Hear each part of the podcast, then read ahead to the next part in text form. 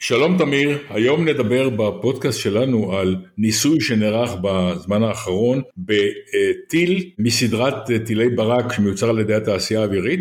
הטיל שוגר מספינת טילים מדגם סער 6 שחיל הים אה, רכש מגרמניה.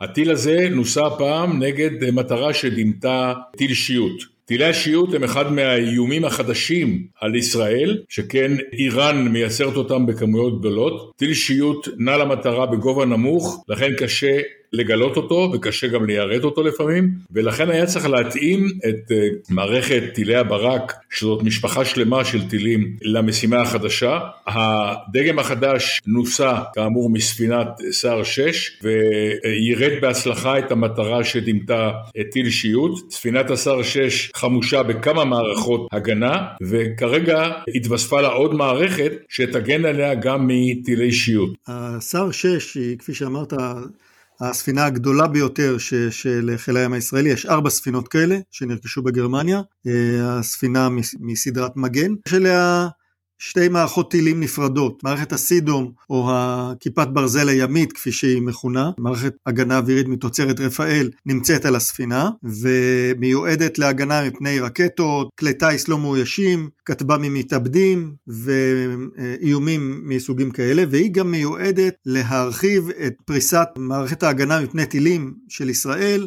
אל תוך אזורי הים כלומר אה, הגנה על אסדות הגז שנמצאות אה, במזרח הים התיכון. בצורה כזאת ניתן להגן מפני אה, התקפות אפילו מטחים בצורה יעילה. מערכת ברק מגן שהיא מערכת מתוצרת התעשייה האווירית מאפשרת הגנה מפני מטרות יותר מורכבות כלומר גם את מטוסי תקיפה התוקפים מטווח ארוך גם טילי שיוט שיכולים להגיע מטווח של מאות ולעיתים גם אלפי קילומטרים. טיל הברק, הברק MX כפי שהוא נקרא בתעשייה האווירית הוא טיל שמיועד ל...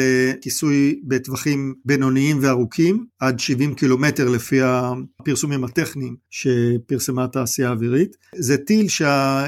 ייחודה של המערכת הזאת היא היכולת להגן על מרחב שלם, לא רק על נקודה, כפי שאפשרה מערכת הברק המקורית שפותחה לפני 30 שנה, ברק מגן מסוגל להגן על כוח משימה גדול, שבתוך כוח המשימה הזאת יכולות להיות כמה ספינות, חלקם מוגנות וחלקם לא, או יכולים להיות מתקנים כמו אסדות הגז, שהברק הזה מאפשר להגן עליהם מפני איומים שמולם כיפת ברזל הימית לא אמורה להגן. זה יכול להיות טילי שיוט, היום יש טילי שיוט מהירים מאוד, במהירויות של אה, פי שתיים ויותר ממהירות הכל. הטילים האלה נמצאים היום בלבנון, אה, מוחזקים על ידי חיזבאללה, ומהווים איום תחום שאנחנו עדיין לא הכרנו ומערכות מסוגם של אה, ברק אמי שהן מערכות ההגנה האווירית מהדור החדש אמורות לספק הגנה מאיומים כאלה.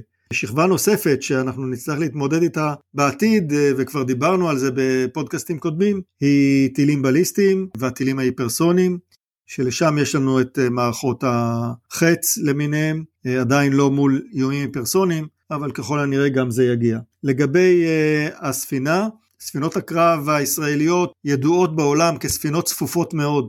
רוויות מאוד במערכות נשק, גם הספינות הטילים מהדורות הקודמים היו מאוד מאוד צפופות במערכות נשק. על uh, ספינת המגן, זאת קורבט הגדולה, יש uh, את הברק מגן, יש את הסידום, יש טילי תקיפה, והתעשיות הישראליות מציעות וחיל הים ככל הנראה יממש גם מערכות אחרות, החל מכלי טיס לא מאוישים מסוגים שונים, וכלה במערכות תקיפה אלקטרונית שמאפשרות להתמודד מול איומים או לתקוף כלי שיט אחרים ולא לאפשר להם אה, למצות את אה, הפוטנציאל ההתקפי שלהם. עד כאן לגבי הברק המגן, אנחנו מקווים שהוא ייפרס מהר על אה, כלל הספינות בחיל וישפר את ההגנה האווירית והימית של ישראל גם באזורי החוף וגם בלב ים.